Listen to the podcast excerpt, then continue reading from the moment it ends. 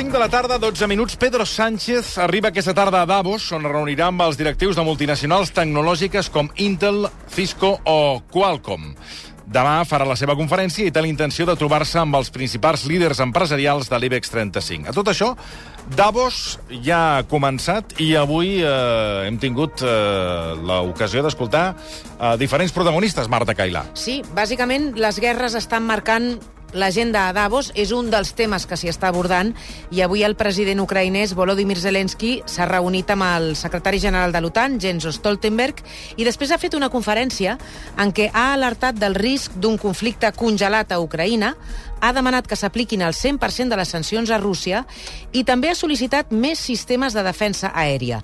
Zelensky ha dit a Davos que aquest any és decisiu i que el que passa en aquesta guerra ens pot afectar a tots. We all We all in a free world. Tots podem existir en un món lliure sempre i quan ens puguem defensar.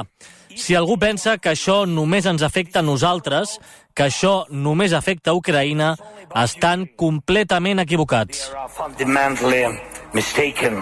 També ha intervengut a Davos el secretari general de l'OTAN, que ha fet aquesta anàlisi de la situació de la guerra a Ucraïna. Overall, uh, Russia is, is, is pushing uh, hard.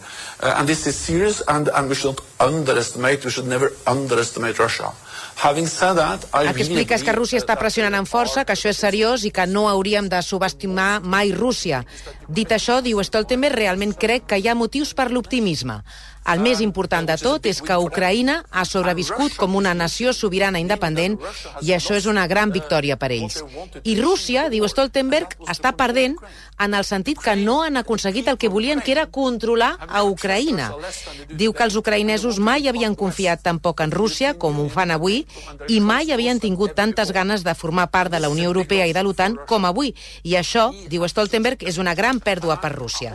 Per això ha ratificat que donaran suport a Ucraïna Ucraïna i que està força convençut que l'OTAN seguirà donant aquest suport.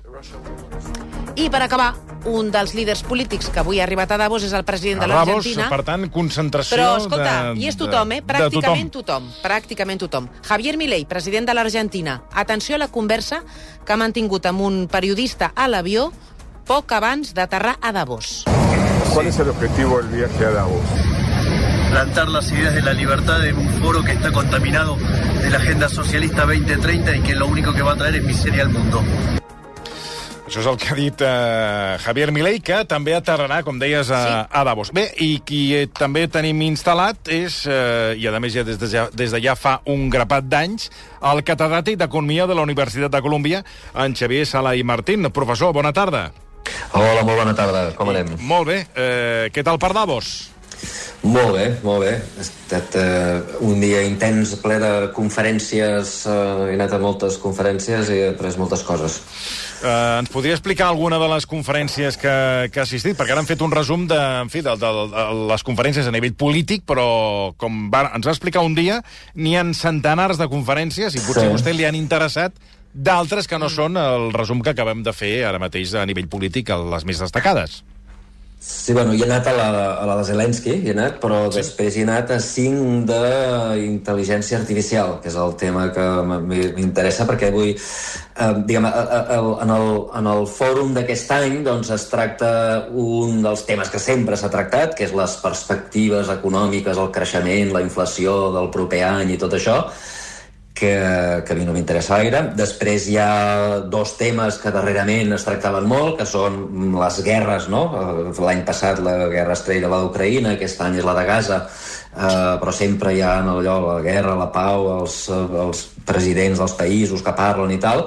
Després sempre hi ha el tema mediambiental, però la novetat d'aquest any, eh, diguem que l'any passat no va ser-hi perquè just acabava de sortir el xat GPT, el xat GPT va sortir el novembre del 2022, per tant, el gener, el, el, el fòrum de Davos sempre es fa la tercera setmana de gener, i per tant no, no havia temps de parlar, però aquest any plenament, diguem, el, el quart pilar sobre el que es fonamenta és la intel·ligència artificial i ha vingut aquí tota la plana major dels líders tecnològics i empresarials, des del Jan LeCun, que és el cap de, tecnològic de Facebook, no? de, de, de Meta, eh, fins al... Ara mateix acabo de sortir d'una conferència del Natia Sadella, del, del, que és el director general de Microsoft, Microsoft, eh, demà passat parla el Sam Altman d'OpenAI, eh, hi ha l'Andrew Eng, el, el Kai-Fu Lee, diguem, tota la gent eh, important d'aquesta tecnologia estan aquí i, òbviament, eh, sentir-los a parlar doncs, és, un, diguem, és molt il·luminador.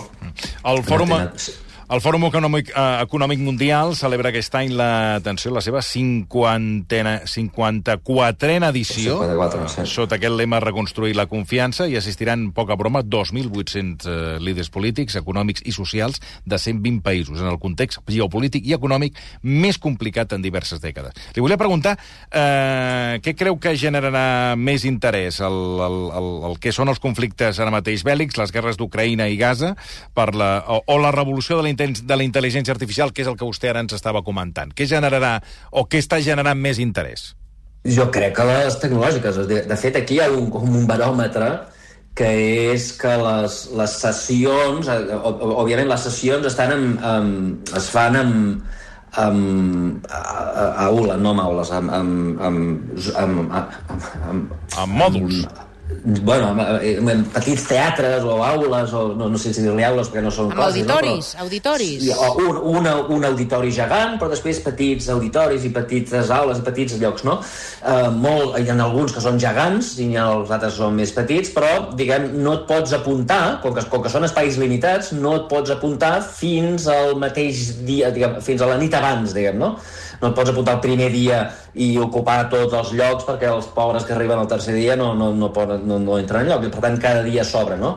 Però i llavors ja, diguem, el moment que s'obre, passa com amb les, amb les entrades del Bruce Springsteen, no? Que aviam quanta estona tarda amb, amb exaurir-se les entrades, i en totes les sessions tecnològiques doncs, d'intel·ligència artificial doncs ja s'han exaurit en qüestió de, de, de, de, de minuts eh? en, en 30 segons la, la, la sessió més, més grossa que he vist que és la dels, en la que hi havia un, un debat entre cinc d'aquests líders no?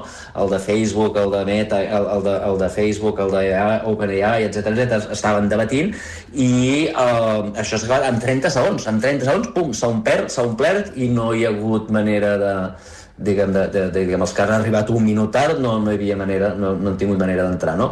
I això jo crec que és un indicador de la, de la, de la, de la, de l'interès que té la gent, la, de la gent, els empresaris, els polítics, tothom, eh? tothom té un gran interès en saber eh, què és això de la intel·ligència artificial, cap on ens porta, cap on ens està portant, com ens hem d'adaptar, com els, els, polítics, els polítics estan pensant com s'ha de regular, si és que ho han de regular, els empresaris no? com, ho han de, com, han, com han d'actuar per adaptar les seves empreses, els treballadors estan pensant com com, què han de fer no? per, per adaptar-se, quin, quin tipus de, de, de, de, de canvi de les seves capacitacions necessiten per poder beneficiar-se d'aquestes tecnologies. És a dir, com és una cosa que ens afecta a tots, doncs hi ha un interès brutal, no? perquè la major part de gent, per la major part de gent, diguem, l'aparició del xat GPT fa un any, és el novembre de 2022, fa, fa un any i dos mesos, uh, va ser un xoc, una sorpresa, eh? no, no, no, ningú s'ho esperava, uh, tot i que hi ha gent que, que, que, estàvem ja parlant des de feia temps d'intel·ligència artificial i fins i tot jo estava escrivint un llibre, no? però, però per la major part de gent no, va, va ser una sorpresa i els hi agafat amb el peu canviat i ara tots a córrer cuita què és el que han de fer, no?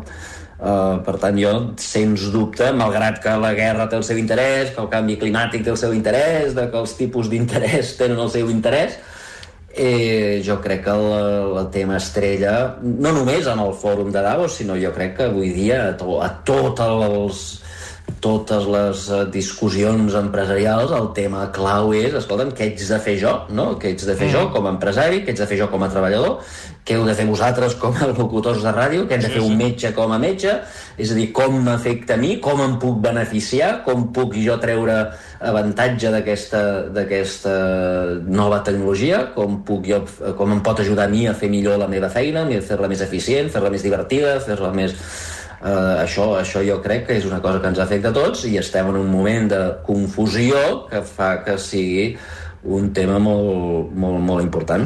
Li volia pregun preguntar per un informe publicat aquest dilluns pel Fons Monetari Internacional eh, que apunta que a escala global un 40% dels llocs de treball es veuran afectats per la intel·ligència artificial. I a les economies avançades aquest percentatge pujarà al 60%. Hem de fer cas a aquest tipus d'informes o a, a dia d'avui encara és molt precipitat? És allò, aquestes previsions que es fan que vostè sempre ens Exacte. diu que tinguem molta cura i que ens ho mirem amb una certa distància, tots aquests informes.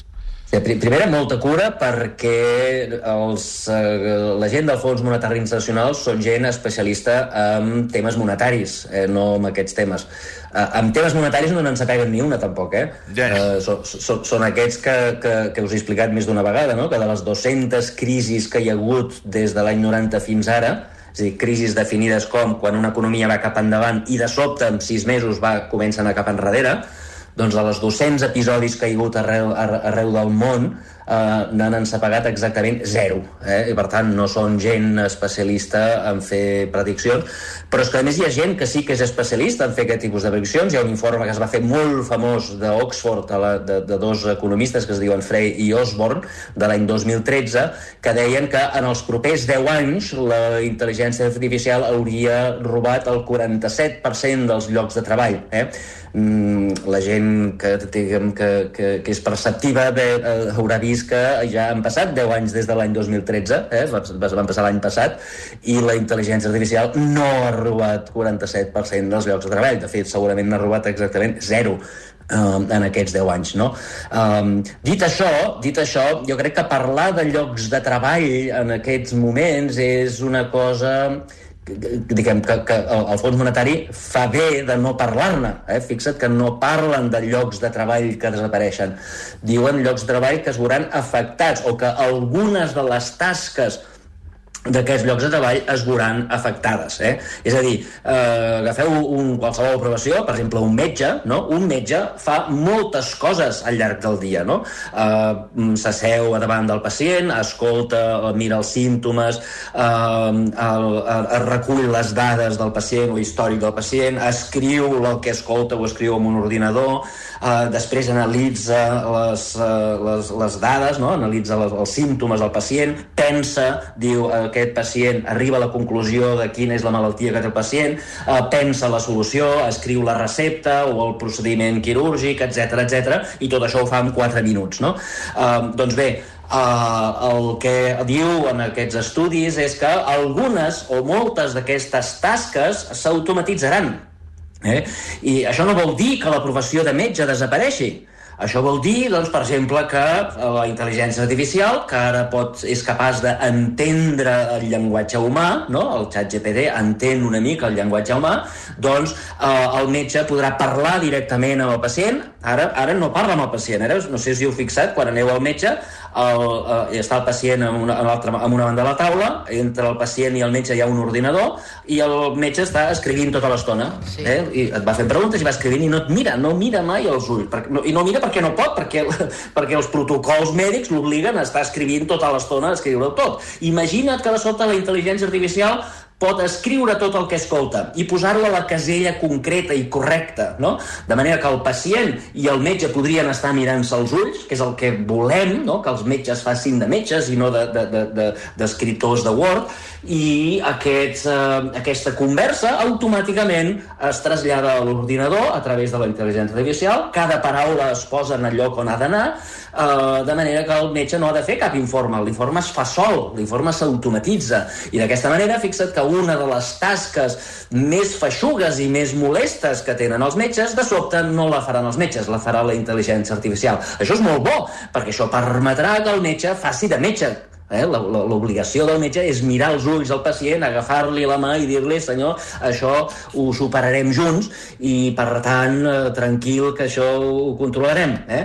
Uh, però, clar, si el metge ha d'estar mirant a la pantalla, això no passa i la medicina doncs, es torna molt, molt menys mèdica, molt menys humana, eh? molt més eh, robòtica. Doncs, curiosament, els robots aquí ens poden ajudar a tornar-la a fer més humana. Doncs això és el que vol dir aquest treball, eh? aquest treball del Fons Monetari, eh, han anat mirant les tasques de totes les professions i diuen que un 40% de les professions veuran que diguem, algunes de les tasques que fan eh, doncs eh, s'automatitzaran. Doncs bé, a mi em sembla ridícul, perquè jo crec que no serà el 40%, jo crec que serà el 100%. Eh? Totes les professions del món hi hauran algunes de les tasques que fan que, que es veuran afectades per la intel·ligència artificial. I això ho estem veient ja, o sigui, només fa un any que tenim xat GPT i això ha canviat la vida de moltíssima gent i, i seguirà canviant. Eh, per tant, eh, jo en aquests estudis no els hi faria massa cas.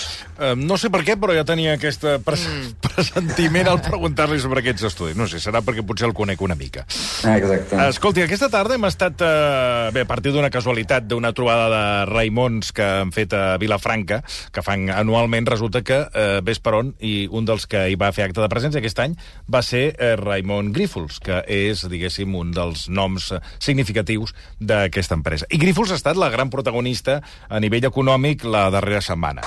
Eh, bé, una dotzena de bufets eh, als Estats Units i Espanya preparen demandes eh, contra Grífols per defensar els accionistes que s'han vist afectats per la caiguda en borsa protagonitzada eh, per aquesta empresa. Però, eh, clar, això mm, el que va generar, a partir d'una informació d'un fons nord-americà anomenat eh, Gotham City, el que va generar va ser aquesta caiguda i a partir d'aquí hi ha tot aquest seguit de demandes també em consta que hi ha demanda, que Grifols també prepara demandes contra sí. Go Gotham City. Dit això, eh, professor, eh, expliqui'ns una mica què és el que ha passat aquí, perquè des de fora no hem acabat d'entendre qui és Gotham City, eh, que ha posat, eh, diguéssim, en dubte els números de Grifols, i a partir d'aquí, en quina dinàmica estem? Portem aquesta tarda, a partir d'aquest sopar perdó, a, a Vilafranca, mirant les accions, i, bueno, tampoc som experts en res. Eh, no, no som seguint. experts en res. Depèn, hi ha hagut estones que... Fluctua contínuament, que pujava xifra. i després baixava, vull dir, bueno, Ara quedat... estan les accions a més 0,095, ara 0,104%. Eh, res, estan a 9 euros ara les accions. Han pujat una miqueta respecte a ahir. Bé, dit això, eh, professor, què és el que ha passat aquí? Bé, uh, aquí hi ha una empresa que es diu que té el seu negoci consisteix en investigar les comptabilitats de milers i milers d'empreses d'arreu del món per veure si estan ben fetes, no? I quan veuen doncs, que hi ha empreses que menteixen, que hi ha empreses que fan trampes, empreses que estafen, doncs publiquen un informe que fa baixar el preu de les accions i ells aposten a que les accions baixaran. Eh? Uh, Eh, diguem, això no és la primera vegada que ho fan amb, amb Grifols, ja ho havien fet, de fet es van fer famosos quan van atacar uh, una empresa espanyola que es deia GoEx, que estava, estava en el món de les, de la, de la, del wifi, no? que feien aparells de wifi, i que va resultar que era una estafa piramidal. Eh? El, el senyor Genaro García, que era el, el que va fundar i dirigia aquesta, aquesta empresa, doncs ara mateix està en els tribunals i li poden caure 18 anys de presó Eh, la seva empresa ha desaparegut, eh? per què? Doncs perquè Gotham City els van xampar. Eh? Uh, I aleshores, uh, jo no estic dient de cap manera que uh, Grifols sigui una estafa ni que Grifols hagi mentit. Eh? Estic dient que aquesta gent es dediquen a mirar les comptabilitats i quan troben problemes aposten a la baixa. Per això, perdó, uh, perdoni... Això, ells, Disculpi, no, volia preguntar-li si això és sí, ètic i es pot fer. És legal? O sigui, tu mires i com que veus sí. que els números no et quadren, postes a la... Això és legal? Es pot fer? I, i la segona pregunta, si és ètic. Sí. A veure, eh, a, a, apostar a la baixa, bàsicament vol dir comprar i vendre accions. Eh? T'explico un mica el que vam fer amb el, amb el, amb el, amb el, amb el, en el cas de Grífols, no? Uh, i, diguem, el Grífols, el dia abans de, de, de, de que es posés aquest informe, que em sembla que era dimarts passat, no? valia 14 euros l'acció. Eh? 14, que deus amb el número 14. Uh, aleshores aquests senyors diuen, ostres, tenim informació que ens indica que Grífols no ha fet bé la comptabilitat i que el deute és molt més gran del que diuen. I ara explicaré per què, no? Però tenim aquesta informació i quan la publiquem el preu de les accions baixaran. Per tant, ells pensen, mira, Uh, per què no anem a molts dels accionistes, milions d'accionistes que hi ha al món, eh, que tenen accions de Grifols, i els hi demanem, escolta, em deixes les accions 24 hores, eh? De fet, hi ha un mercat en el qual aquestes accions doncs, es presten, es presten els paperets, eh, l'acció. Uh, doncs diu, deixeu-me 10 milions d'accions. Llavors agafen aquests 10, i, i a tots els accionistes els diu tranquils, jo et pago ara 5 euros a cada un i us, eh, digueu, i us, i us, eh, us les tornaré demà, eh? tranquils, tranquils, demà tindreu vosaltres les eleccions. Aleshores aquests tios van agafen aquests 10 milions d'accions, per exemple, i les venen. Com que el preu de Grífols és 14, mm. eh, doncs ells eh, agafen 14.000 milions. Mm -hmm. No, perdó, he dit, he dit, eh, he dit eh, que en venien 10.000 milions. Sí, no, doncs 10.000. 140.000 milions. 10.000. Uh, doncs uh, in- ingressen 140.000 milions. Eh? Això és el de matí del dimarts. A la tarda publiquen això i uh, les accions de Grifols baixen a 8. Aleshores ells tornen al mercat i diuen uh, vull comprar 10.000 milions d'accions.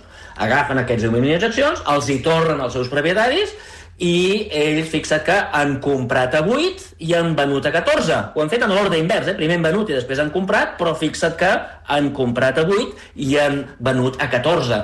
Uh, I per tant, per cada acció que han guanyat, han guanyat 6 euros. I per tant, fixa't que han guanyat 60.000 milions d'euros, perdona, 60 milions d'euros amb, uh, amb 24 hores. Eh? Uh, I per tant, un negoci brutal amb 24 hores. Um, això és ètic? Bé, eh, doncs si l'empresa a la qual acusen de dir mentides està mentint, doncs no és ètic, és, és real, no? De fet, aquests tios van enxampar amb un tio que estava fotent una estafa i, de fet, li van fer un favor a la societat espanyola d'identificar el mentider, el lladre, el fotre'l fora i aquest tio acabarà a la presó. Uh, per tant, és ètic identificar els mentiders? Sí, clar que és ètic. Uh, la pregunta és, uh, i si Grífols no estava mentint?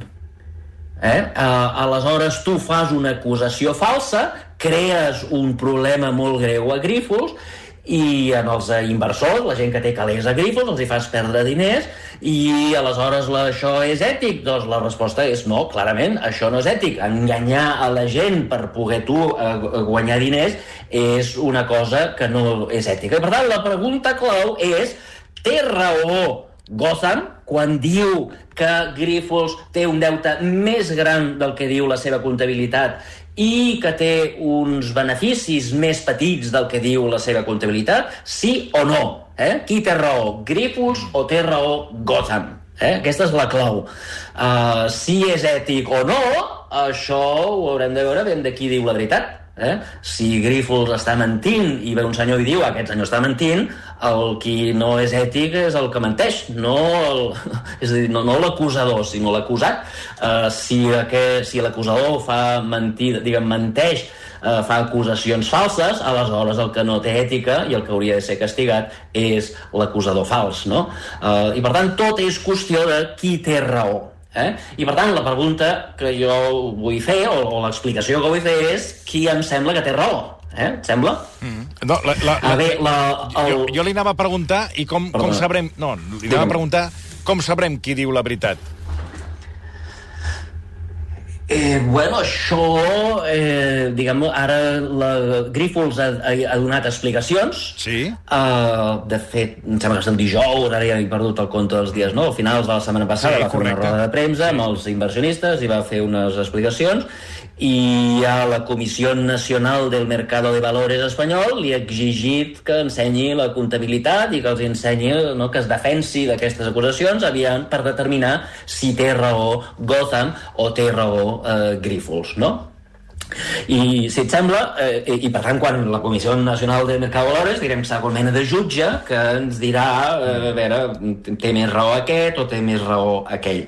Um, uh, de, deixa'm que expliqui qui, qui, quin, quina és l'acusació que fa. Eh? Diguem, el, el, el, el, els deutes d'una empresa i de fet els de la família també són molt grans o molt petits depenent de lo que tu ingresses, no? És a dir, si tu ets un treballador que guanyes 10.000 euros a l'any i tens un deute de 100.000, eh? Uh, segurament no el podràs pagar, eh? perquè hauries de dedicar tot el teu salari durant 10 anys seguits, no? Si, si tu tens un deute de 100.000 i els teus ingressos són de 10.000, vol Sí. dir que tardaries 10 anys 10 anys a poder tornar el deute si no gastessis res. És a dir, si tot el que ingresses ho portes a pagar, eh, el deute tardaries 10 anys. I com que tu no podràs estar 10 anys sense menjar i sense gastar res, doncs tu no podràs tornar al deute. Doncs amb les empreses es fa una mica el mateix. Eh? Es mira el deute que tenen en relació als beneficis que genera l'empresa, els beneficis serien el, els calés que té l'empresa disponibles per poder pagar, per poder tornar els deutes, no? Aquest, aquests beneficis eh, tenen un nom una mica estrany, eh, pels, que no som, eh, pels que no som experts, que es diu EBITDA. Eh? EBITDA que vol dir eh, beneficis abans d'interessos, depreciacions i impostos. No? Eh, però quedem-nos amb la idea de que és els ingressos que té una empresa que, que, so, que són disponibles per poder tornar el deute. Eh? Doncs bé, el, el, el, el Grífols, la comptabilitat oficial de Grífols, diu que el deute que té Grífols, el que el deute que té Grífols és sis vegades l'EBITDA. Eh? És a dir, que si aquests beneficis se'ls queda Grífols i es dediquen només a pagar deute, tardaria sis anys a poder retornar aquest deute. Estem d'acord? Mm -hmm. Sis. Però venen aquests senyors, eh, venen aquests senyors i diu aquests senyors de Gotham i diuen dues coses. Primera, l'EBITDA eh, està inflat. Eh? Aquests senyors no han tingut tants beneficis com diuen. I per altra banda, el deute està reduït. Eh? I quan tu corregeixes aquestes dues coses, quan tu corregeixes l'EBITDA i en lloc de 1.300, que diu Grífols que és, són 900, que diuen ells que és, i quan tu corregeixes el deute i en lloc de 9.000 són 9.800, si fas la divisió, doncs resulta que el teu deute no és 6 vegades l'EBITDA, sinó entre 9 i 13 vegades l'EBITDA. Uh, I per tant, 6 es pot tornar. Si el deute és 13, no es pot tornar. Eh? Uh, I aleshores la pregunta és i com arriba aquesta conclusió uh, aquests, senyors de, aquests senyors de Gotham? Doncs bé, resulta que el problema és que hi ha tres empreses que Grífols tenia, tres empreses que Grífols tenia, però se les va vendre. Eh? Uh, però les va vendre no a una empresa qualsevol, sinó que la va vendre a una empresa que, diguem, controla els, els interessos de la família Grífols, una empresa que es diu Straton. Vale? Uh, li va vendre aquesta companyia. Per tant, aquestes, aquestes uh, tres empreses, uh, una, una uh, alemanya, una americana, etc., uh, les va vendre, uh, i, però Grífols, malgrat que li havia vengut en, en aquest Straton, segueix comptabilitzant els beneficis d'aquestes empreses com si fossin de Grífols. I això diu, eh, això diu Gotham, que això no es pot fer, no? aquestes empreses ja no són teves, per tant, els beneficis que tu, que aquesta empresa eh, genera, no són de Grífols, són de. Uh -huh. Estem d'acord? Sí, sí, sí. I, I, per tant, eh, els beneficis teus estan inflats. I això són més o menys uns 400 milions. Eh, en lloc de guanyar 1.300, tu has guanyat només 900. El que passa és que la llei de la comptabilitat espanyola diu que si aquestes companyies, encara que les hagis vengut, les segueixes controlant tu i en aquest procés de venda de, de les companyies aquestes de Grífols a Straton eh, eh, resulta que Grífols es va guardar una opció de compra la llei espanyola diu que si tens una opció de compra tu controles aquella companyia i per tant la comptabilitat diu que estàs obligat a posar els beneficis a Grífols, no a Straton. Ah. Estem d'acord? Uh -huh. I per tant, després de veure jo aquesta, diguem, aquesta explicació, eh, jo diria que la raó la té Grífols. Grífols ha fet el que havia de fer, el que li diu la llei de comptabilitat espanyola, que és comptabilitzar els beneficis d'aquestes tres empreses, encara que les hagi venut, perquè segueix controlant aquestes empreses. Eh? I, per tant, han seguit exactament les normes tal com s'han de seguir. Uh, I, per tant, jo diria, diria, jo no sóc un expert, eh, però jo diria que després de mirar la comptabilitat, de mirar la roda de premsa, de fer l'anàlisi, que eh, eh, aquí Gotham no té raó. Gotham no té raó. I, però el que a mi em sorprèn, el que a mi em sorprèn és que, malgrat que a mi em sembla obvi que Gotham no té raó, que té raó Grífols, um, els mercats han reaccionat de manera negativa. Eh? Si us fixeu, els preus de les accions va passar el primer dia, el dimarts, de 14 a 8. Sí, sí. L'endemà van pujar a 11. Eh? Es va recuperar, no tot, però gairebé tot. Vam pujar a 11 una altra vegada. Aleshores és quan es va fer la roda de premsa, aquesta en la que s'explica això que us estic dient, uh -huh. i les accions van baixar una altra vegada a 8.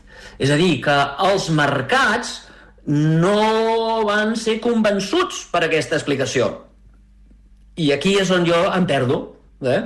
Jo diria que té la raó Grífols i no Gotham, eh, i per tant jo crec que a la llarga el Grifos tornarà a valer el que valia, que Gotham s'haurà de, de menjar el seu informe, uh, però uh, jo sóc una mica especial, perquè si mirem la gent que compra i ven accions, doncs sembla que no estan d'acord amb mi eh, i per tant sembla que li donen la raó a, a, a, a diguem, a, a Gotham. I per tant, eh, diguem, eh, tothom està esperant, aviam, què li diu Grifols a la Comissió Nacional de Mercado de Valores algun dia de la setmana que ve, Uh, i llavors tornarem a revisitar el tema perquè en aquests moments jo tinc una profunda confusió eh? uh, profunda confusió que insisteixo ve del fet de que a mi em dóna la impressió que Grifols ha seguit les normes que havia de seguir que no és veritat que el seu deute són 13 vegades uh, l'EBITDA, tal com diu, uh, com diu l'empresa americana, i per tant eh, però, però, però diguem, és el que jo arribo a la conclusió però els mercats arriben a una conclusió diferent. Els mercats, en veure les explicacions a Grifols, van caure en picat, eh? que això sembla que vol dir que no, no, no ens ho creiem. Eh? No ens ho creiem.